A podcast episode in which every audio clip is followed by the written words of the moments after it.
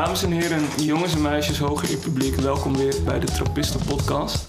Een podcast over zingeving, eh, maatschappij. We hebben het over stilte en natuurlijk over de prachtige Trappistenbieren. Dat combineren we met eh, wat ideetjes over het monnikenleven. En eh, nou ja, we hebben natuurlijk onze, eh, onze man die bekend staat om de uitspraak... ik ben geen biersommelier, Mark Braat. Ja, dankjewel Pieter-Jan. Ja, inderdaad, geen biersommelier, wel liefhebber. Eh vandaag gaan we lekker bier drinken. Ik ga straks verklappen wat we gaan eh, drinken. Maar ik wil onze gast introduceren. Wim Eikelboom. Van harte welkom. Ehm, ik heb hier staan rivierverhalen. eh, bij Radio 1 gewerkt, woonachtig in Zwolle. 51 jaar en oud. Dat klopt wel een beetje. Heb je nog Dat wat... klopt allemaal. Dit is een behoorlijk cv, vind ik al. Ja, echt? ja. Ik kan, zo, kan nog wel een beetje Nee, je kan- ja, kun je een beetje opscheppen? Ja. Nee, niet opscheppen. Nee, nee, zie. Want uiteindelijk gaat het er niet om wat je doet, hè. Maar het gaat erom wie je bent, hè. Mhm. Dus eh, het, maakt niet zoveel uit wat je allemaal doet. Het vind, wat ik interessanter vind, is dat wat je doet, hoe je dat vormt als mens. Dat vind ik leuk. Kijk, dan gaan we En, en, en dat zegt wel iets over de... Dat zegt meteen wel iets over me. Want zeg maar, de, ik vind de variatie in de dingen die ik doe... Dus ik ben ook bijvoorbeeld voorzitter van Artway. Dat is een eh, platform voor christendom en kunst. Oké. vind ik heel interessant. Maar dat heeft te maken met mijn liefhebberij voor kunst. en, de manier, en, en het feit dat ik daar voorzitter van ben... dat vormt mij weer in mijn manier van kijken naar kunst... en dingen die ik opsteek, die ik nog niet wist. En nou ja, noem maar op. Dus, dus zeg maar... eh, het, uiteindelijk is het dat wat ik doe of probeer te doen... dat, dat, dat zijn allemaal dingen die, die, waarvan ik denk... van, nou, ik kan daar wel volgens mij een rijker mens van Maar worden. dat vloeit dus vooruit wie jij, wie jij bent. Ja, Oh, Ja. mooi. een rijker mens van worden. Mooi, mooi verwoord, inderdaad. Hey, vandaag gaan we een, eh, echt een mooi bier drinken, denk ik. Ik eh, ga Een rijk bier. Een rijk bier. Ja, we gaan vandaag een straffe Hendrik drinken. En eh, niet eh, een normale, maar de Heritage vari- variant.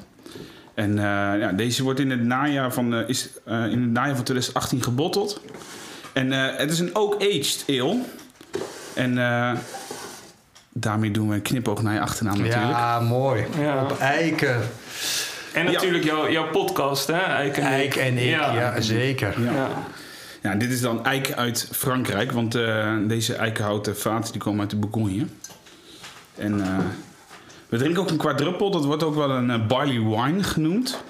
En eh, nou, dat, eh, de linker met barley wine in dit bier is vooral de wijnvaten, want eigenlijk het woordje wine in barley wine heeft niks met wijn te maken met het bier. Maar het zijn dus wijnvaten van eiken Ja, die gebruikt worden om dan een bier op te leggen. En, en hoe lang ligt het daar dan in? Zit het daar dan in? Nou, je hebt zeg maar, ja, die wijnvaten uit de Bourgogne wordt opgekocht door de brouwerij De Halve Maan uit Brugge. En eh, die gebruiken dan zeg maar op de nagisting. Eh, daar legt ze die vaten op en dat verschilt dan per bier. Maar eh, ik geloof dat dit bier volgens mij drie maanden op die vaten Oh. gelegd wordt. Maar dat is genoeg om ergens een heel klein vleugje eik te proeven. Juist. Ja. Ja. We, we gaan kijken of die, of die eik erin terugkomt. Ja. Ja, Maar je gaat hem ook ploppen natuurlijk. Ja. Hè? Want dat vind ik het leuk aan, eh, aan dit soort grotere, grotere flessen. ja. En een, een heritage staat er dan op. En ja, dat, dat ziet er dan weer tof uit. de beleving die begint al. Hè? Ja, En met, met champagne mag het niet ploppen, maar ik vind met een bierfles mag het wel ploppen. Oh, ja kijk. mooi. Dat is, Maar dat is ook leuk, want hij zit dus in zo'n mooi houten kistje. Dus hij- je geeft hem al heel veel cachet mee door hem daar eh, zo in aan te bieden. Ja, Ja, zeker. vind ik ook. Ehm, je mag voor jezelf wel eventjes... Ja? Het en moet hem nog een bepaalde manier inschenken? Ja, probeer het glas ietsjes te kantelen. En Ja? voor de microfoon is het natuurlijk ook, eh, ook leuk. Dan, dan horen we nog wat. Ja. Ja, kijk, dit Mooi. klinkt heerlijk. Het is een... eh het zal ik gewoon even zo, hè? Ja. Oké, we gaan hem delen. Dus ik ga niet mijn hele... Heel goed. Ik geloof dat je ook nog met de auto terug moet. Ja, dus, daarom. eh, ik nog. En het is een straf, hè? Dat, eh, We hebben ook echt een trappistenglas gewoon, zie ik nu. ja, mooi bijplassend glas. Het is ook altijd fijn aan deze glazen als je zo'n open, open mond hebt, zeg maar. Dat je, nou ja, Ja, inderdaad, Even lekker ruiken. geur, Ja. reuk. Maar wat, wat ik van de vorige keer van jou heb geleerd, Mark, is eerst kijken, toch? Ja, kijk naar de kleur. Wat associeer je erbij? Of nou, vooral mee eigenlijk. Ehm, ik ga Ik zal ook even voor eh Onze geluidsman. geluidsman inschenken. Hij kleurt een beetje als thee. Ja, hè, het is echt een... Het is, echt Het is een eh, zware thee. Een, bijna eh, Engelse, Engelse ja, precies. Een. Engelse, ja. Ik zet hem even hier neer. Ehm, is, zit hier nou nog nagisting op dan? Ja, zeker. Dus ja. dit kunnen we straks er anders even bij schenken. Dan kunnen we het verschil misschien proeven. Is dat leuk? Of Nou, zeg je van schenk hem nu uit? Nee, dat is goed zo, denk ik. En eh, dan kunnen we gewoon eh, inderdaad eh, het verschil misschien wel net proeven. Leuk. Want op het moment dat de nagisting onderin zit... Maar hij is wel redelijk verdeeld. Hè. Hij heeft gelegen. Ja. Waardoor hij dus ook wel eh, de Oh, ja. nagisting verdeeld heeft. Nou, ik zou zeggen Nou. cheers. Ja, proost. Ja, Ja, mooi op wat- brug, Op wat, jongens? Op, op, op strafheid. Op strafheid. Oh, dat vind ik wel meteen heel protestants klinken. Ja, dat klinkt wel weer heftig, hè? Ja. Nee, laten we gewoon proosten op, eh, op het goede weer dat eh, eraan komt. En inderdaad ook eh, zeker op deze podcast. En eh, op, leven. op het goede gesprek, ja. Ja, Op het goede gesprek. Ja, zeker. dat is mooi. zeker. Dat, het- dat het biertje daarbij mag helpen. Ja, Ja. ik ga een slokje nemen. Mhm. Maar woonachtig aan de IJssel.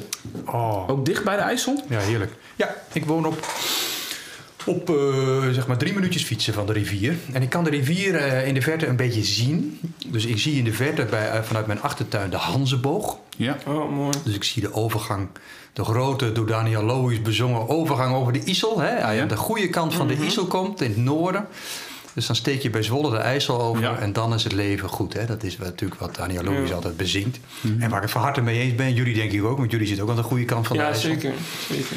Dus eh, dat is altijd wel grappig, want de, de, dat, Is Kampen de goede kant van de IJssel dan? In- nou, in het eigenlijk lied? Eigenlijk niet. Nee, ja? Kampen hoort natuurlijk wel bij Overijssel, dus ehm, dan, dan, nou ja, je wordt gematst. maar het is wel heel grappig als je dan voor die podcast ontmoet ik dan allerlei mensen en die maken daar ook vaak toespelingen op. Hè. Oh, ja. staan, eh, laatst was ik in feesten en eh, nou, welkom aan de goede kant van de IJssel. Oh, oh, oh. ja, nee, dat, daar moet toch echt overste- oversteken.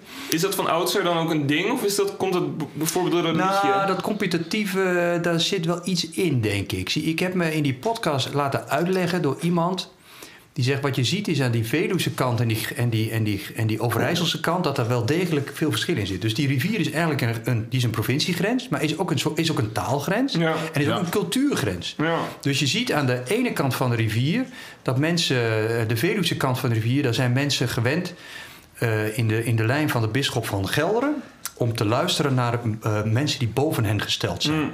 En aan de andere kant van de rivier, de Sallandse kant van de rivier, daar is van ouds een cultuur, we lossen het zelf op. Ah. Dus daar is veel minder de neiging en die schijn je nog steeds terug te zien. Dus Een beetje ik- liberale meer. ja, een beetje, maar ook gewoon van we hebben niet, we, we gaan niet eerst naar een baas kijken, maar we gaan zelf oplossingen Ja, zoeken voor een leuk. probleem. Oh, mooi. Dus daar zie je ook bijvoorbeeld het feit van een coöperatie en boeren. Ik heb gisteren nog gezien, ik stond gisteren in een polder met boeren bij Lieder, Liederbroek. Heel interessant trouwens. We hebben het hier over, over een, ehm, eh, het, klooster, eh, het Ja. kloosterleven. Dat is de oudste polder van Nederland, heb ik me laten vertellen. Liederbroek. Die is ontwikkeld door de monniken van het klooster Windesheim. Ja. Die maken Oh, daar eh, landbouwgrond. Ja. En op die landbouwgrond, daar wonen nu boeren. En die boeren die werken samen in het beheer van weidevogels. En ik proefde daar iets van die hele Sallandse geest van deze kant van de IJssel. Hmm. Van oké, we gaan het samen doen. We gaan samen een oplossing vinden voor dit probleem. En we hebben niet iemand nodig van boven die ons gaat... Nee, we gaan gewoon... Maar is dat dan het idee, omdat, jij omdat jij dat weet, dat je dat dan herkent in die mensen? Of denk je dat er ook echt dus denk- dit iets in zit, Nee, dat mensen daar dus opgroeien en Ja, zo worden? ja, ik denk dat dat een soort, wat, wat wij de volksaard noemen. Hè? Dus je moet altijd opletten als ik zeg Groningen volksaard is, eh, nou ja, weet ik veel, stug of nuchter. Ja. Dus er, zit een risico in, hè? maar er zit ook altijd een kern van waarheid in. Ja, nou ja, ik, ik kom zelf bijvoorbeeld uit Veendam. Ja. Ja, dus de veenkoloniën, dat is van oudsher, zijn dat gewoon de armere dorpjes. Ja. Oh, ja. Ehm, en nou ja, dat, dat, nou ja dat, dat weet iedereen. Oost-Groningen, dat, is, dat zijn de laagste, laagste huizenprijzen bijvoorbeeld. En eh, ja, je, mer je merkt dat ook wel als je de mensen daar ziet. Het is toch meer arbeidersvolk. En volgens mij heeft het ook heel veel te maken met, nou ook weer met rivieren. Je hebt bijvoorbeeld Meppel Steenwijk. En volgens mij is zo dat Meppel, dat ligt dan aan een, aan een goede vaart, zeg maar. Waardoor, eh, waardoor dat nu nog steeds een, een rijker dorp is. Mensen zien het als wat chiquer dan als bijvoorbeeld Steenwijk, ook wel genoemd Steekwijk. Oh ja. Vanwege die relletjes en zo. Ja, ja, ja, ja, ja, ja. Nee, maar het is, het is, en ik vind het mooi dat dan zeg maar, dat soort beelden, dat soort vooroordelen ook altijd weer eh, een beetje kantelen. Hè. Ik, was, ik was nog op bezoek in deze provincie, in Groningen zijn we nu. Eh, en ik kwam nu met de auto binnen, binnenrijden, maar vorige week kwam ik met de kano eh, Groningen binnenvaren. Ik was op de kano op de Hunze. En wat ik interessant vond en grappig vond, is dat je dan langs de kant mensen ontmoet. En dan maak je even een praatje mee. Dat doe ik altijd. Vind ik altijd leuk. Even contact maken. Dat dan Groningers echt leuke mensen zijn. Dus dat zijn mensen die allemaal toeschietelijk, eh, hartelijk. Ze gunnen je wat. Ze vragen meteen of je wat nodig hebt. Ik kwam aan de oever ergens, ik weet niet meer waar, Kropswolde. En dan gewoon Ja. iemand die meteen zegt: "Wil- je slapen in mijn tuin? Oh ja. Eh, heb je wat nodig? Eh, Ja, en gewoon leuk. En, Ja. en eh, wat ik dan zie, en, is was in Drenthe zijn mensen wat schuchterder, wat terughoudender. Mhm. Waar dat precies in zit, weet ik niet. Kan iets te maken hebben met bijvoorbeeld dat in Drenthe meer toeristen komen. Dus dat mensen bij vreemdelingen niet meteen zoiets hebben van... oh, daar ben ik even open, maar altijd een beetje afwachtend. Maar daar had ik veel minder dat gevoel. Bij Groningers denk ik, oh, leuke mensen. Ja, Ja. Ja. Groningen zit ook nog niet helemaal dicht, zeg maar. Je, je kan hier nog wel echt wijds kijken, zeg maar. Het is echt eh, het platteland, zeg maar, Ja. letterlijk. Ja. Dat, eh, dat, dat vind ik een heel mooi kenmerk. Dat is ook wel, ook wel eens heel saai als je bijvoorbeeld een keer een treinrit maakt door Groningen. Weet je, er gebeurt helemaal Nee. niks. Maar, maar ook wel, zie ik kwam, we kwamen aan in het land in Foxhole. En dat Oh, je ja. daar dan iemand spreekt die dan gewoon zegt... Ja, je kunt de karootje niet laten liggen, want dit is hier echt de meest gevaarlijke plek voor heel Groningen. Ja, dat je denkt van, oh man, wees, een beetje, wees een beetje trots op de plek waar je Ja. woont. Ja, kom op. Ja. Ja. Eh, maar Pieter Jan, je, je benoemt dat, hè? Die, eh, nou ja, misschien wel een beetje gegeneraliseerd. Maar hoe zie je dat in je eigen, in je eigen leven dan? Die, eh, die nuchterheid weer terug. Die, eh nou ja, die Vindamse cultuur misschien wel. Zie je dat in je eigen... Heb je Nou, daar nog een soort van heritage van? Ik weet niet. Mijn, mijn vader eh, komt uit Stedum, dat is Noord-Groningen. En mijn moeder uit Amsterdam. Oh ja. Ehm, ja, Oh, ik mooi, ben niet Gronings opgevoed. Nee. Dus ehm, ik, spreek het ook niet echt. Wel voor de grap. Ja. Ja. Kan ik wel hem down, maar eh, Ja. dat, dat is dan ook. maar eh, nee, ik herken het bij mezelf eigenlijk niet echt, eh, niet per se terug. Wel dat, ehm, dat ik misschien net wat anders was dan de, dan de kindertjes uit de buurt, zeg maar. Eh, dat kwam ook, ik ging naar de gereformeerde basisschool, een paar dorpen verderop. Dus weet je, ik kende die mensen niet. En die mensen heten dan heel vaak Giovanni en, eh, en, Ja. en dat soort namen, zeg maar. En, daar, en dat soort dingen, dat herken niks, niks daartegen Nee, verder. zeker maar, niet, maar- dat is wel grappig. Daaraan Ja. kun je al direct zien van, hé, waar komt eigenlijk iemand vandaan? Ja. Ja. Interessant. Maar het is, ik, eh, ik vind het nog steeds, ik, ben, eh, ik, ik, ben, eh, ik schaam me er niet voor. En natuurlijk, eh, de, de oude voetbalclub, waar had ik zelfs een seizoenskaart. Alleen in het jaar dat ze failliet gingen, dat was wel, wel jammer. Ja, eh, toch? Maar dat is, eh, ja, Ja. ja. dat is ook, eh, maar dat is echt die veenkoloniën. Ja. Maar het, is wel, het heeft bij mij best wel lang geduurd dat je een beetje trots bent op de plek waar je vandaan komt. Mhm. Ik denk dat het heeft ook iets te maken met ouder worden. Als je er weggaat, eh, dat, dat maakt voor mij het verschil. Nou, dat zou kunnen, ja, dat dat wel meespeelt. Maar, maar ook misschien, in mijn geval was het dan het ouder worden. Zie, vroeger had ik niks met Zwolle. En Nee, ik, ben daar, ik ben daar opgegroeid. Ik ben daar vertrokken. Ik ben in Mhm. Leeuwarden gewoond. Ik heb in eh Venendaal gewoond. En toen kwam ik weer terug in Zwolle.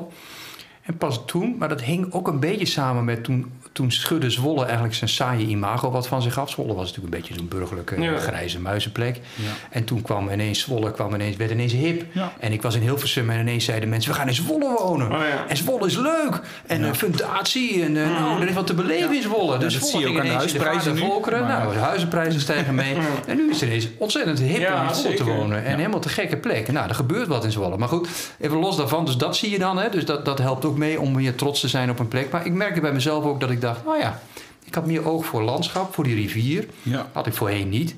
En dat je denkt, verrek, het is hier echt heel mooi. En eh, het, is, het is een fijne plek. Ik Meer- voel me meer thuis. met die plek. Ja, ik voel me meer thuis. Ja. Ja. Ja. Ja. Mooi. Hey, Ja. je, je- hebt dan eh, iets met die rivier. Nou, Ja. dat, dat kunnen heel veel mensen zeggen, maar om er een volledige Ja. podcast aan te wijden.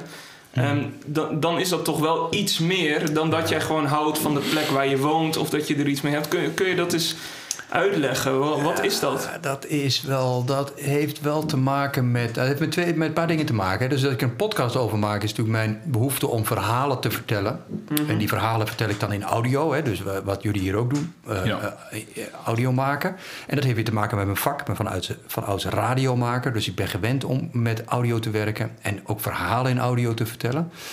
En de podcast biedt je de mogelijkheid om dat ineens gewoon ook in je vrije tijd te doen. Wat jullie hier doen, nou, dat, was natuurlijk, dat is het leuke van de, van de opkomst van de podcast. Dat je dus niet iemand nodig hebt. En dat ik op een zeker moment dacht van...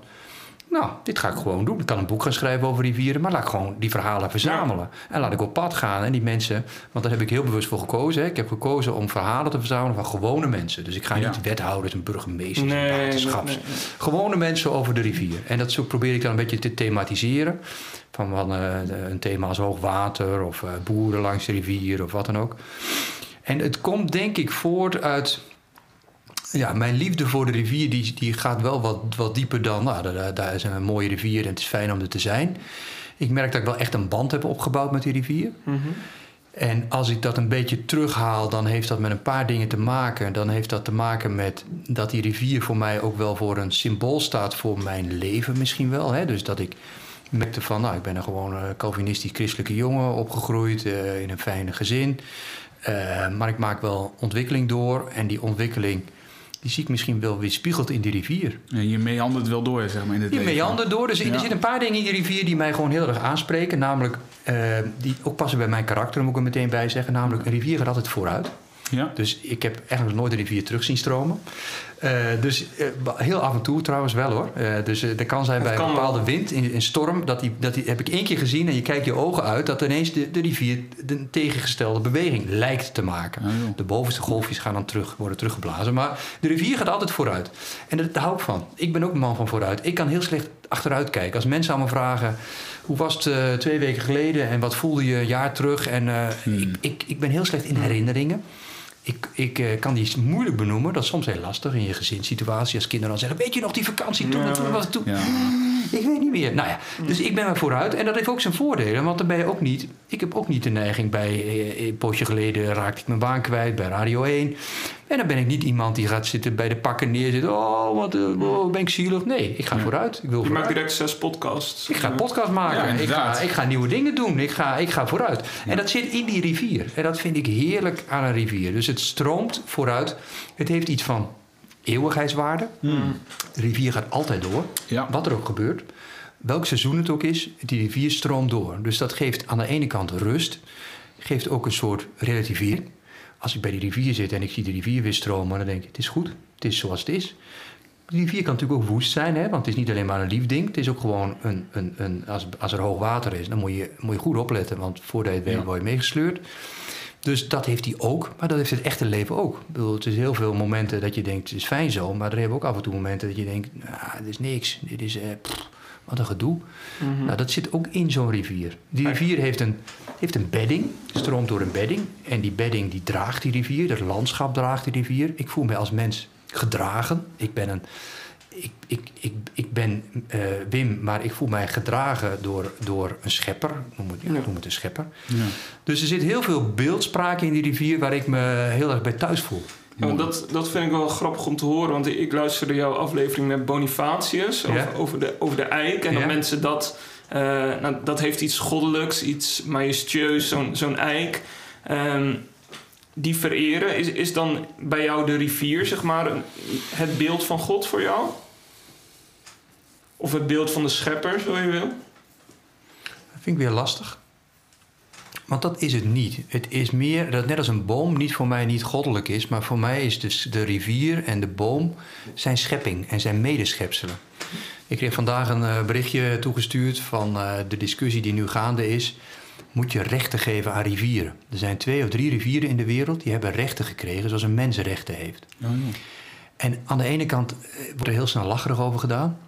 Maar het is uiteindelijk best een hele interessante gedachte. Namelijk als je vanuit christelijk geloof eh, zegt van... van ouds ben ik opgegroeid met de gedachte... wij zijn rentmeesters. En dat wordt Ja. ingekleurd in de christelijke traditie...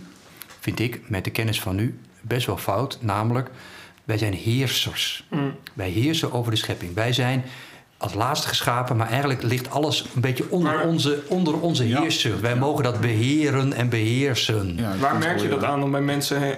Zegt iemand dat dan? Of nee, of dat, dat, zie je dat- aan, eh, dat zie je aan boeren, hoe boeren met vee omgaan. Het feit dat iemand een grote stal met koeien heeft, is omdat hij mag heersen over dat vee. Ja. En mag bepalen eh, wanneer het vee gaat eten, wanneer het vee doodgaat, wanneer het vee geboren wordt. Dat bepaalt die boer. Die heeft heers, dat, is, dat is zijn heerschappij over de schepping. Ja. Over dat stukje schepping. En ik denk, naarmate ik ouder word, van ja, dat heersen, dat is best wel een beetje fout gegaan. Misschien wel bij Augustinus of zoiets. Wij zijn veel meer medeschepselen. Mm. En dat betekent dat als ik dat erken, dat ik niet boven die schepping ga staan, maar ik daarnaast ga staan. Ik ben, de mens is op de laatste dag geschapen, hè? besef dat goed. Hè? Dus eerst kwam de rest en toen kwamen wij. En dat vraagt best wel, vind ik, dat, dat, dat is, daar moet je bescheiden Ja. over zijn. We zijn niet als eerste geschapen, we waren niet het belangrijkste. We zijn als laatste geschapen. We stonden achter in de rij. En dus, dus het idee dat wij daarmee ehm, in, de, in de schepping eh, het meeste babbels hebben, omdat we toevallig wat meer hersencellen hebben dan een boom of dan een walvis of dan een varken. Eh, en wij het vermogen hebben om na te denken en te plannen, wat dieren minder hebben of niet hebben, of meer emoties te tonen. Dat wil niet zeggen dat we, eh, dat we meteen ons er ver boven moeten verheffen. Ik zie steeds meer dat we zeggen, wij zijn onderdeel van de schepping. En die schepping is, dat zijn levende wezens, dieren. Maar dat kunnen ook rivieren zijn. Ja. Dat zijn ook eh, geschapen werkelijkheden. En als je ziet welk belang aan rivieren wordt toegekend in de Bijbel. Eh, in openbaringen stromen rivieren, in alle profetieën stromen rivieren. Die rivieren, die begin, de, het begin van de Bijbel, hè, dus Ja. de, de Eufraat en de Tigris. Het begint al eh, dat het, het paradijs lag bij eh, prachtige rivieren. Dus die rivieren zijn entiteiten op zichzelf.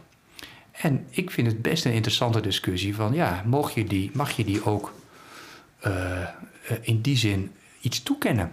En dat wil niet zeggen dat ze goddelijk zijn, hè? Nee, dat is altijd zo ingewikkeld. personificeren dus. Personificeren, ja. Ja. ja. Zonder dat je. Ik, ik maak de natuur niet goddelijk. Eh, eh, God is, God is de, het, het, het geheel heel anders en, en dat is niet de natuur. Ehm, dus ik aanbid ook geen natuur en ik aanbid geen rivieren. Maar ik vind wel dat je ze op waarde moet schatten. En ehm, nou, zo'n discussie. dus wat meer gelijk, jezelf met eh, wat gelijker aan de rivier stellen. Ja. Ja. Snap je dat? Ik bedoel, ik, eh, Ik, kan daar wel denk ik wel op of inkomen. begin je dan een beetje, denk je van wat, wat, welke kant gaat dit op? Nou ja, die... nee, maar de, Wat is dit nou? de grote- ik, moet denken aan, Nee, eh, ik moet denken aan een, eh, een voorbeeld die eh, een van jouw gasten in een podcast eh, gegeven heeft. Volgens mij een redelijk recente podcast. eh, over de knotwillig werd daar wat genoemd.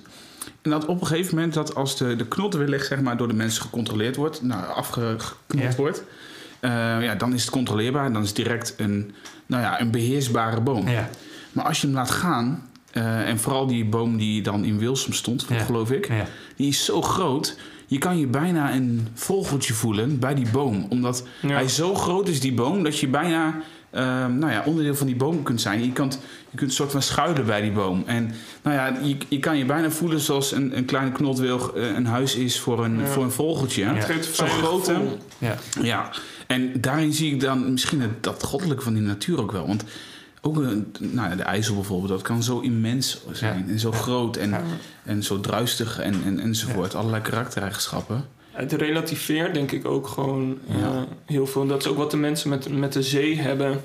Van ik, ga, ik heb zoveel problemen, ik ga even naar de zee en dan zie je... oh ja, er is zoveel meer dan, dan wat ik ben. Ja. Maar het is ook meer dan dat. Zie, vroeger had ik zoiets van: je verhoudt je tot als ik naar de bergen ga. Ik ben maar een klein men, nietig mens. Mhm. en, eh, de, de, nee, dit is, dit is wel meer dan dat. Ik voel echt wel een band met die rivier. Ja. Dus eh, dat heb ik geleerd van, eh, van een Syrische jongen, Hazem. En Hazem die, die zei. en van Kader Abdollah heb ik dat ook geleerd, dat is die schrijver. ja. Dat zijn beide natuurlijk Oosterse manieren van kijken. Dat zijn wij niet gewend als Westerse mensen. Dus mensen vanuit het, uit, uit het Midden-Oosten... die hebben een hele andere beleving van landschap. En die heeft mij wel verrijkt. Eh, dus, wat, wat kun je, kun je nou ja, dat is, noemen? dat is dus die beleving van die rivier... is niet gewoon maar een stroompje water... maar is, heeft meer te bieden Het dan leeft dat. ook. Het leeft en het is, zoals Hazem dan zegt... de rivier is mijn vriend. En ik denk ook dat ik de vriend ben van de rivier. Oh, Mm, Ja, dat vind ik magnifiek. ja. Eh, en, en dat is dan omdat hij zegt: bij die rivier kan ik gewoon zitten en dan kan ik mijn verhaal doen. En dan luistert de rivier. ja. En eh, hij zegt niet veel terug, maar een goede vriend zegt ook niet altijd wat terug. Maar een goede vriend kan wel goed luisteren. Dus die rivier is mijn vriend, want die rivier, daar kan ik gewoon mezelf zijn. En die oordeelt niet, die vindt het allemaal prima Maar hij zo. bestaat wel echt. Maar hij bestaat. Ja.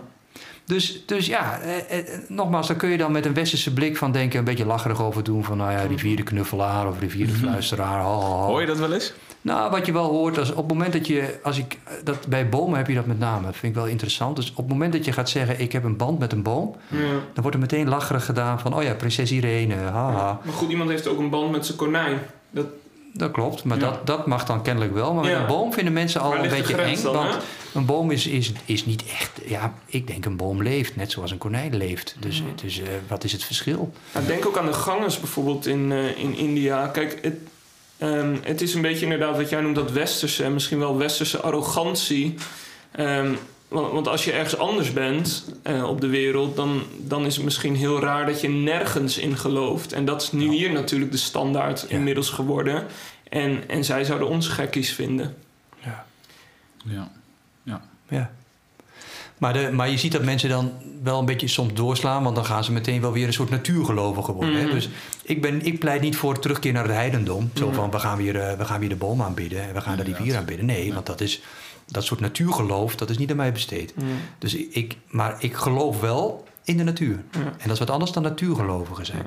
Het, is, het is denk ik de levende schepping Ja. zien... en aanvaarden zoals die is... en erkennen dat eh, dat, dat leeft. ja en erkennen dat er een, dat er een schepper is. Dus, dus het is niet alleen, dus, dus, dus, dus eh, zoals ik van kunst hou, hè, dan, eh, dan hou je van een schilderij. Mhm. En tegelijk hou je ook een beetje van de schilder. Ja, ja, ja. Dus dat, dat, hoort, dat hoort bij elkaar. Dus, Ja. dus je waardeert beide. Het een kan niet, eh, niet zonder het ander Ja. natuurlijk. Ja, ja, Mooi. ja. Mooi. Maar ehm, ik vind een smakelijk biertje. Fijn. Ja. Wat, wat voor een eh, smaakpalet zou je het geven? Wat, waarmee associeer je het? Ik heb appelstroop trouwens. Ja? Ja, dat, gevoel proef jij? een beetje, ja.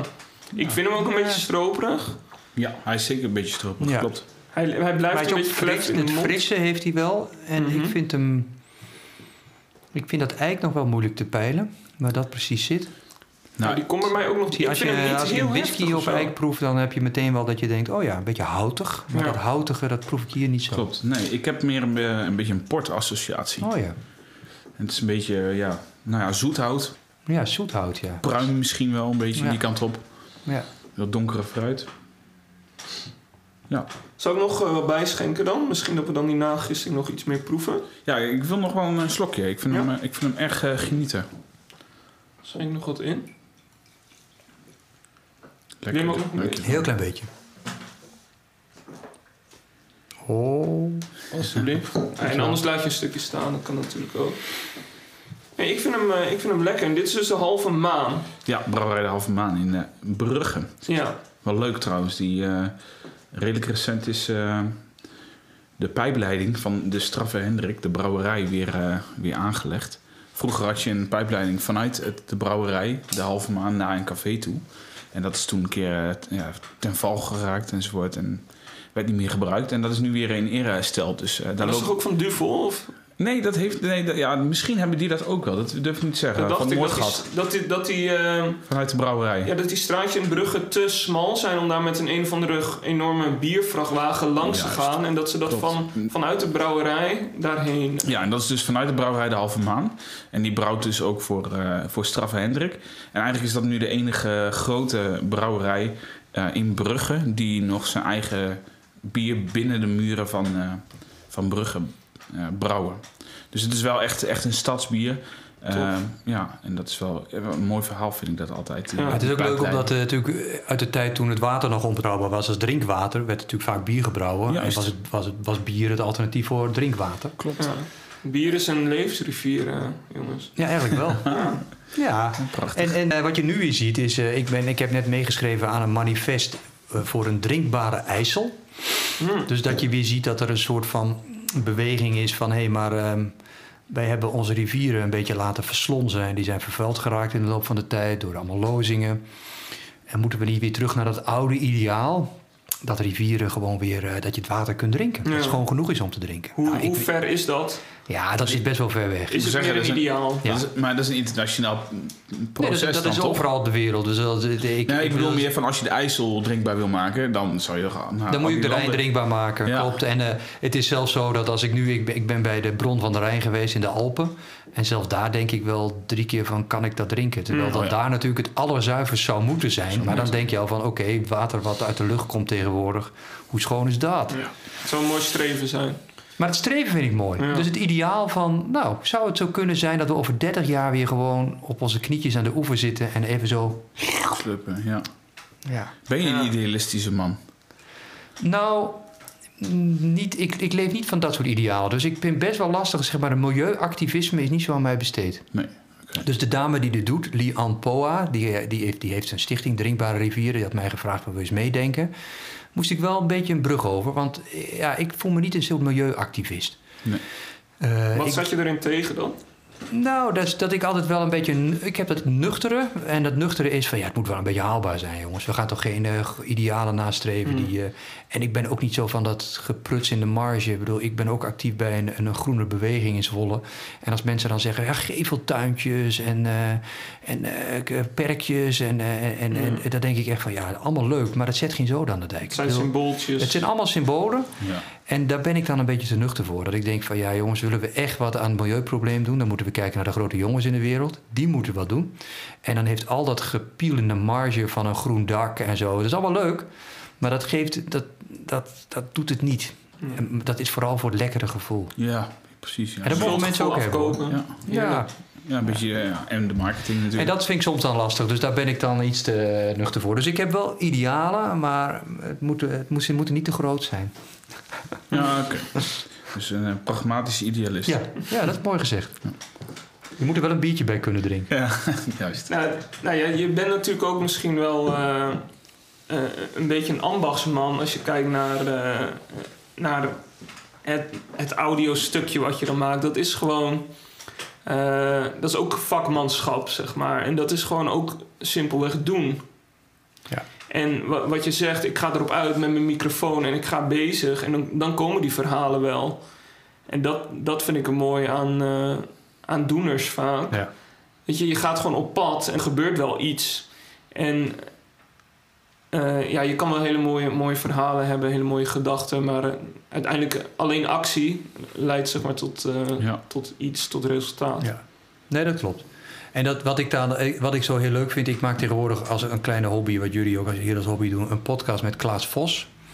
En dat is, dat is heel bijzonder eh, hoe dat dan tot stand komt. Want Klaas Vos, die bewonderde ik als jongeman. Toen ik eh, een jaar of 15, 16 was, toen was hij op de radio. En daar was hij verslaggever. En dan deed hij gewoon iets heel ambachtelijks, wat jij zegt. Namelijk, hij liep met een microfoon en een open recorder door Nederland, live op zender, Ja. op vrijdag. En dan was hij, nou, in noem eens wat, Veendam. En dan liep hij daar gewoon rond. En dan eh ontmoette die mensen en met die mensen maakte hij een verhaal. Ja, En dat was op de radio. Ja, en soms was dat dat je denkt, nou ja, waar gaat het over? Mhm. Maar heel vaak was dat gewoon heel mooi. Ja. Want hij was echt geïnteresseerd. En, eh, en je hoorde dingen die je nooit hoorde. Want ja, de hele radio is gevuld met uh, hotemetoten en woordvoerders... en eh, mensen Ja, die belangrijk zijn... of zogenoemd, bela- zogenaamd belangrijk zijn, tussen aanhalingstekens. ja. En hij deed de gewone man. De gewone, ja, hij ging ook nog wel verder het land in dan, want eh, al die straatinterviews, ja, dan... Nee, gewoon echt geïnteresseerd. Niet de straatinterviews, wat vindt u? Maar gewoon, wat houdt u bezig? Ja, maar ik bedoel ook de locatie. Als je, tenminste, als je nu van die nieuwsberichten kijkt, of vooral bijvoorbeeld zo'n zo'n Po-nieuws of zo, weet je, dan Ja. eh, wat, wat vindt men van Ja. de versoepelingen? Ja. En dan gaan ze naar Ja, één, zo, ja. één dorp, Ja. zeg maar, weet je wel. Maar goed, met die Klaas Vos, die ik dus vroeger op de radio hoorde... die heb ik een jaartje geleden ontmoet, toevallig. En toen bleek we een klik te hebben. Jullie kennen elkaar nog Nee, we kennen helemaal elkaar niet. Nee, nee, nee, nee. Oh. Dus ik vond het heel leuk dat ik Klaas mocht ontmoeten. En Ja, dat Klaas is al is, verhaal eh, die, was verslaggever, maar ook dominee. Oh joh. Dus Klaas is opgeleid theoloog, was predikant. Is eh, uit de kast gekomen. Is daardoor een beetje uit het ambt geraakt. En is toen eh, verslaggever geworden bij de radio. Is jarenlang radioverslaggever geweest bij de VPRO. En daarna kreeg hij daar weer tabak van. En is hij weer dominee geworden. Ja, wat Is hij een paar jaar dominee geweest in Woensdrecht. Had hij een eigen gemeente. En nu is hij met emeritaat, pensioen.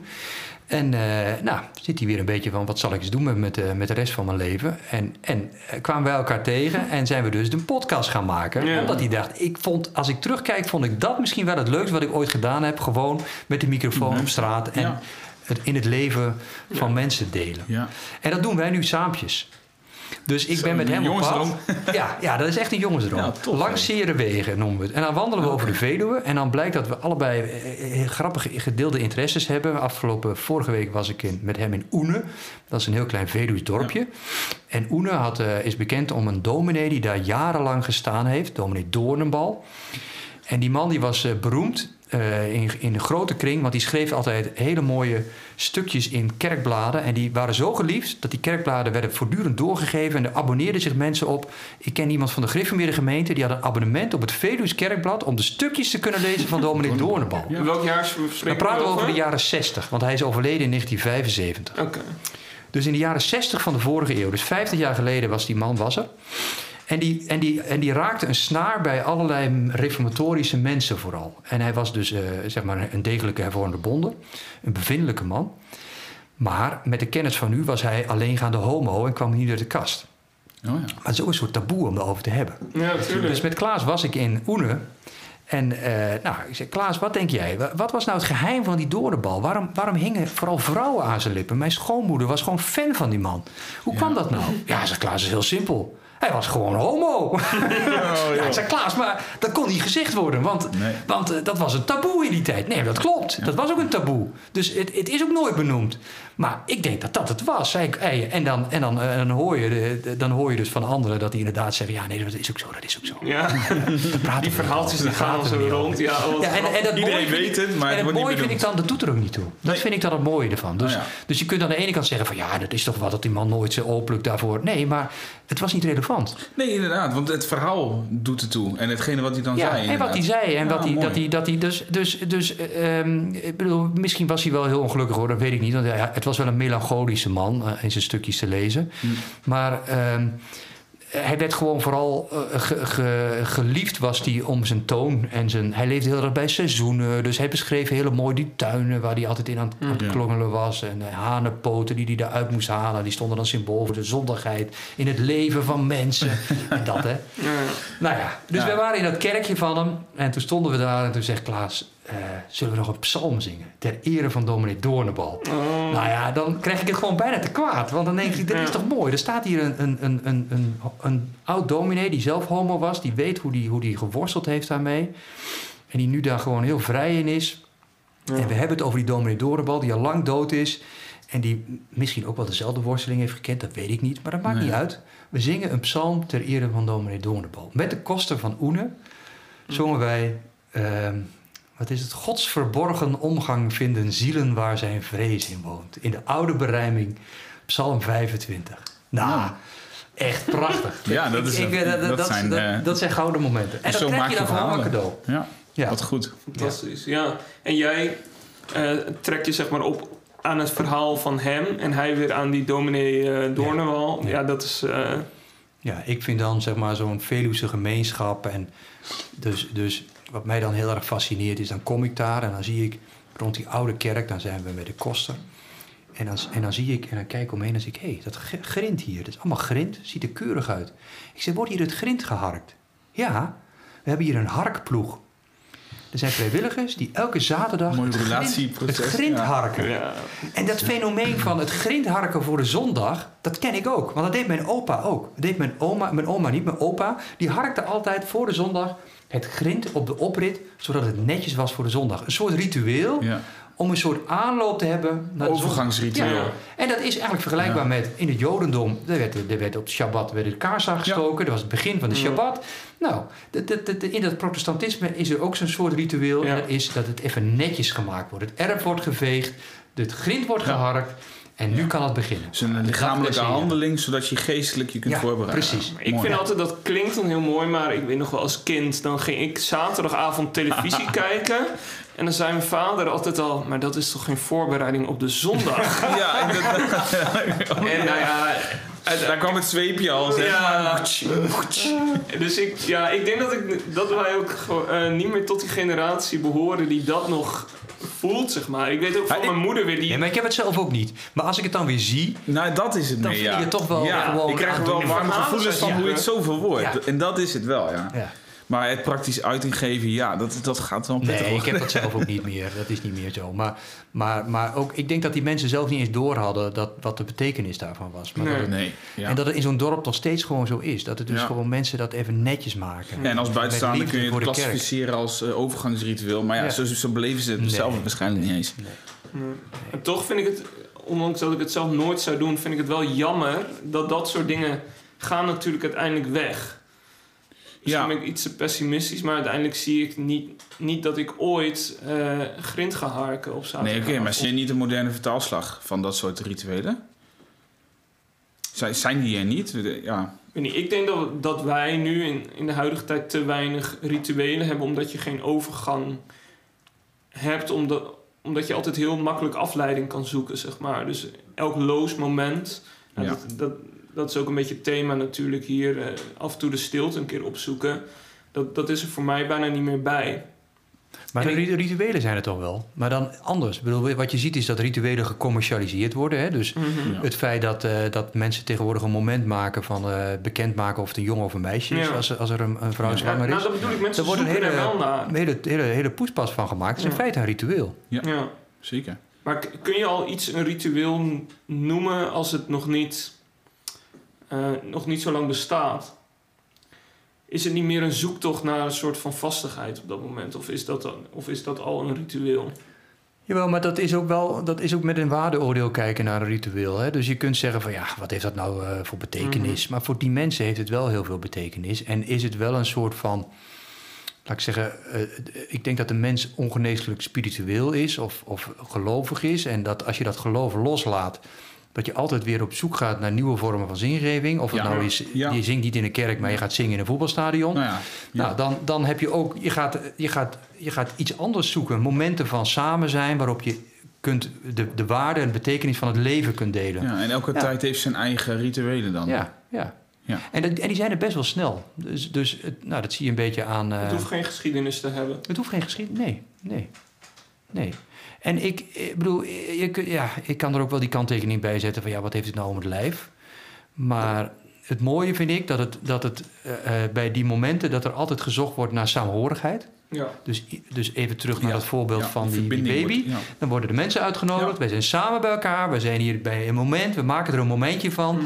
En in dat moment gebeurt er iets bijzonders. En vieren we het leven op een bepaalde manier. En daar gaat het uiteindelijk om die En dat- connectie. En dat, is, dat vind ik mooi. Dus de, dat je stilstaat bij de betekenis en de waarde van leven en van elkaar. Ja. En dat is in veel rituelen natuurlijk ook een essentie.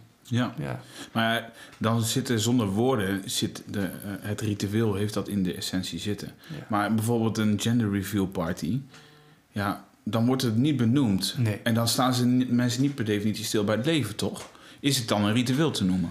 Ehm, ik denk wel dat het een ritueel te noemen is. Omdat, het, omdat, het, omdat wel de, het andere element daar heel nadrukkelijk bij aanwezig is. Namelijk, eh, je nodigt mensen uit. Je doet het samen. Ja, oké. Je doet, eh, is maar je moet er een beetje mee opletten. Want ze- maar- een bier te drinken is voordat je weet een biertje drinken ook een ritueel. Ja. Ja. Nou ja, Maar wat, wat erbij komt, en niet, niet alleen dat, dat, dat leven vieren en elkaar ontmoeten, maar ook eh het, het moet vastgelegd worden. Ja, oh ja. En eh, niet dat het dan het ritueel in één keer niks meer waard is, maar dat zegt voor mij wel wat, zeg maar. Van, zou het, ik, ik denk dat je de vraag dan wel moet stellen, zou ik het ook doen als niemand er vanaf wist? Ja. ja, inderdaad. Behalve dan die mensen die erbij zijn. Ehm, o- want ik denk wel dat het echt moet zijn. En natuurlijk heb je ook, ja, dan is het eerder een gewoonte of een slechte gewoonte of een goede gewoonte. Ja. Ja. Wat ik net al voelde trouwens met eh, even die fles doorgeven. Ja, Ehm, is niet direct misschien een ritueel, maar Nee. daar voel ik al iets bij. ja. Ja, van, van verbondenheid. Ja, Maar dat is we ook, schenken allemaal uit dezelfde Ja, fles. Je drinkt, je drinkt ja. uit hetzelfde. Dat is de essentie van avondmaal. Dus, je, dus je, je deelt, we zitten aan een tafel en aan die tafel deel je wat. Dus de maaltijd, wat, wat in bijbelse termen natuurlijk het ultieme moment is van verbondenheid, Ja, van het goede gesprek, van het Ja. echte leven delen. ja, Dat zit hier natuurlijk ook in. Als Ja. je drinken samen, eh, is, is daar een variant op. ja. ja. En dat is wel interessant trouwens. Dat ik, eh, als je dan het hebt over de monniken die het bier brouwen. Als je in echte trappistenabdij eh, kijkt. ehm, die zijn helemaal stil tijdens de maaltijd. Die zeggen niks tegen elkaar. Dan is er vaak een broeder die of een psalm zingt of een eh, stuk voordraagt. Ja. Maar het stil zijn, de maaltijd gebruiken met elkaar, is de verbondenheid al. Dus dat staat al, de maaltijd delen met elkaar staat Ja, al symbool voor, de, eh, voor het, eh, nou, de verbondenheid. Zonder dat ze het gesprek dus hebben. En wat zit daaronder dan? Want ik heb dat zelf een keer meegemaakt in Ja. het klooster van Megen, vrouwenklooster, waar ik eh, een weekendje was. Oh, mooi. Ehm, ik vond het niet zo fijn. Want ik denk dat eronder zit dat je dan zeg maar, ehm, met meer bewustzijn eet. Hè? Ja. Dus, dus mindful eten, zullen we maar zeggen. Ja. Eh, dus uit dankbaarheid. Dus de schepper, de gever van het eten, ben je meer dankbaar door stil te zijn en het bewuster op te eten. Dan wanneer je gewoon zegt: Hier, zegen deze spijs aan. Nou, hebben, hebben praten en we hebben door. Dus dat zou erachter kunnen zitten, maar toch vond ik het ongemakkelijk. Ja, en ik vond het ook ongemakkelijk omdat dan vervolgens zo'n eh, non uit een, eh, uit een boek ging voorlezen. Van, Inderdaad, wat nee, moet inderdaad. ik hiermee? Waar Ja. je ook vaak nooit wat van verstaat. Ja, en, dan, en dan nog los van het smakken wat je te, te- Ja. duidelijk hoort. Ja. Ja. Maar goed, ja, nee, ik snap, ik snap dat het ongemakkelijk kan zijn. En ik, ik, ik kan me daar misschien ook wel een beetje in verplaatsen. Want het is juist mooi om inderdaad een mooie opdienschalen te hebben. En eh, elkaar het eten op te scheppen. Ja. Gesprekken te hebben. Hoe was je dag? Hoe, hoe ziet je week de volgende week uit? Ik zeg maar wat. Zie, we hebben thuis een eetgroep, Ja. maandag. En dat zijn misschien wel de meest gouden momenten van de week. Nou, En dat is omdat dat gewoon, er zijn eh, eh, veel alleengaande vrouwen uit de buurt bij ons. Nou, die hebben elkaar, we kennen elkaar goed, dus die delen alles, zijn heel eerlijk. Ja. Dus daar komt lief en leed langs, Ja. mooie dingen en nare dingen. En dat wordt allemaal besproken. En dat is goud. En, Ja. en ehm, eh, ja, dan denk ik van, dit is wel de waarde van eh, eten. En eten zorgt ervoor dat Mhm. mensen zich op hun gemak voelen. En die praten makkelijk. Ja, en je stelt eens een keer een vraag. En het mag er gewoon zijn. En, Ik denk eh, alleen al hoe erg mensen in, in de coronatijd uit eten hebben gemist. Ja, nou ja. En, Maar dat, dat, dat zit daar maar ook dat wel is, in. dat is de ontmoeting. Denk Ja. het ook wel. Ja. Ja, ja eten weer is echt een eh, bijzonder... Daarom vind ik dat meer een ritueel. Het überhaupt al samen eten. En daar, daar even bewust van zijn. Dat het goed staat. En dan nou, los van de kwaliteit van Ja. het eten. Maar Volgens mij is uiteindelijk alles is een ritueel. Volgens mij leef je gewoon de hele tijd met Wel, maar je kunt het ook ontwijden. Hè? Zie je, als ik voortdurend eet voor de televisie, Ja, dan ontwijd ik het eetritueel. ja, Ja. Maar. Dat blijft, nou, of laat ik het zeggen, een mens leeft natuurlijk met gewoontes. Volgens mij is, eh is 90% van wat je doet, daar denk je niet over na. Je, Ja. je poetst eerst de, je rechtertanden en daarna je linker, zeg maar. Ja, inderdaad. Ja, Oh. Dat zit er gewoon in. Ik wel hoor. en daarna vergeet ik de bovenkant altijd. Ah. Ja. Nee, maar dat, je bedoelt dus dat daar... Nou ja, je leeft sowieso met gewoontes en dat is ook lekker. Dat geeft structuur en dat Ja. is ook goed voor je, denk ik. En ehm, je kunt er iets moois van maken. Maar ik denk wel dat je, nou, als je het echt hebt over rituelen, ik, ik zou erover nadenken wanneer, eh, eh, wanneer leg ik iets vast of wanneer maak ik, ik echt ergens een moment van en, en vergeet die waarde inderdaad niet. En niet dat het niet zomaar iets is, Ja, bepaalde zaken. Zoals dus met elkaar eten. Maar daar moet je wel echt bewust aan werken. Dat zie ik. Mijn moeder is net 75 geworden. Gisteren, eergisteren. Maandag, ja. Van 75. En toen daar wachten we, ja, corona, je kunt niks, mag niks. Nou, maar laten we eens doen. Dus dat hebben we gedaan. We hebben een, ik heb een cabrio geleend van, een- van vrienden. En zijn we langs allerlei familieleden gereden. Broers, Ja. zussen. Oh. En toen dacht ik, ja, daar kan ik gewoon langs rijden en zeggen hoi. En we hebben een taartje, alsjeblieft. Maar toen dacht ik, nou nee, ik wil er een plus op zetten. Ik vraag aan die mensen, wil je een gedichtje of een iets, wil je iets zeggen? Wil je gewoon even verwoorden? En dat is een generatie die het niet gewend is. Want dat zijn Mhm. allemaal mensen van 70 plus. En die zijn dat niet gewend. Zaken worden niet benoemd. Nee, nee, wordt niet benoemd. Want we zeggen niet snel van ik hou van je of Mhm. eh, je bent bijzonder omdat. Eh, maar ik vroeg dat aan die mensen, wil je dat doen? En wat er dan vervolgens gebeurde is dat, dat de, de oudste broer van mijn moeder een lied heeft uitgezocht. Dat gaan we samen zingen. En mijn moeder zegt, het is nog nooit gebeurd. Dat Oh, hij een joh. lied heeft bedacht Ja. en dat hij, dat hij zegt van dit lied vind ik een fijn lied. Mag ik dat samen met jullie zingen? Ja, dan denk ik, dit is fantastisch wat hier Ja. gebeurt. Dit is samen, heb je even zo'n ritueel moment. Oh, ja. Eh, maar dan moet je dus wel even, eh, dan moet je wel, dan moet je wel e- even, even aan werken, zeg maar. Ja. Dan moet je dus heel bewust iemand uitnodigen van kom maar, kom maar met, met wat je wilt. Ja. En als het niet lukt, ook goed. Ik bedoel, de ander die, had, eh, die zegt, ik ben er niet goed in, ik heb een bloemenkrans gemaakt. Nou, Ja. dat is dat jouw manier ja van uit. daarom. Dan, dan kun je bij jezelf blijven Ja. daarin. En de Maar er zit iets van moeite in voor een ander. Ja, ja. En dat is een mooie. Terwijl misschien is het net even ongemakkelijk. Ehm, maar dat geeft achteraf die onlading, Ja. denk ik. Ja. ja, dit was mooi om eh, zo te doen. Om, eh, en dan ook gewoon dat ieder weer het op zijn manier doet. Eh, dus een, een oude tante die wat had opgeschreven en dat ging voorlezen met bibberende stem. Ah, Nou, dat was heel aandoenlijk. Dat was gewoon prachtig. Ja, Ja. ja. mooi. Hey Wim, eh, wat, wat, zijn, eh, wat zijn jouw toekomstplannen? Als we nu kijken, je, je hebt natuurlijk, we hebben die rijke carrière besproken. Ehm, wat, wat ligt er voor jou in het verschiet? Dat weet ik niet. Die stromen allemaal naar de zee, hè, uiteindelijk. Mhm. Alle rivieren stromen naar zee en toch raakt de zee niet vol. Dat vind ik een van de mooie relativeringen van Prediker. Ja. Dus ja, ik, ik, ik, Jij hoop, gaat wel dat wel ik, door. ik hoop wel dat ik blijf stromen. Ehm, dat, daar vertrouw ik ook wel op. En waar, waar precies heen, weet ik niet. Dat vind ik ook het leuke. Zie, ik, ik, ik leg in mijn leven nu andere accenten als toen ik 30 was. Ja. Ik vind andere dingen leuk. En ik hoop ook dat het, dat, dat het leven mij dat eh, biedt, blijft bieden. Of dat ik mezelf Mhm. dat blijf bieden. Dus ik, ik zeg altijd tegen mezelf, je moet ervoor waken dat je cynisch wordt. Of, of een beetje zo'n zo'n zeurderige oude man. Ja. Daar hou ik niet van. Dus ik ben ook niet heel erg van de meningen en zo. Hè. Dus, dus op sociale media zul je mij nooit zeggen van laat eh, betrappen op ik vind dit en dit is niet goed en dat gaat niet goed. Nee, ik wil positief blijven. Ik wil, ik wil leven vanuit verwondering. Dat Mhm. vind ik fijn. Dus ik hoop altijd dat ik dat, dat stukje kind in mij wakker blijft. Ja. Dat ik altijd blijf kijken maar naar het leven van... tjonge, ja, dit is bijzonder. Dat Ja. iemand zo is, dat vind ik niet raar, dat vind ik bijzonder. Ehm, dus dat hoop ik vooral. En wat dat dan gaat brengen, Hm. dat weet ik niet goed. Dus, eh, dus verhalen vertellen blijf ik... eh, dat, dat, ik hoop dat ik dat nog een poosje mag doen. Dat vind ik wel heel fijn. Ver- Goede verhalen vertellen. Ehm, mijn liefde voor het landschap vormgeven. In welke vorm weet ik niet. Maar dat vind ik wel mooi als dat kan. Ja. Ja. Ja, Nou, je hebt ons in ieder geval wel verblijd met, eh, met mooie verhalen. Dat kan ik wel vertellen, ja, zeker. Ja. nou... ja, om dan even terug te gaan nog eventjes op het laatste misschien wel dan. Die, die rivier. Eh, een van de eigenschappen die we onderbelicht gelaten hebben misschien wel... is wel de, de rust en stilte die het biedt. En hoe ik jou heb eh, online leren kennen en vandaag ook wel... ben je ook een man van rust en stilte... en die dat bewust voor kiest. Ja.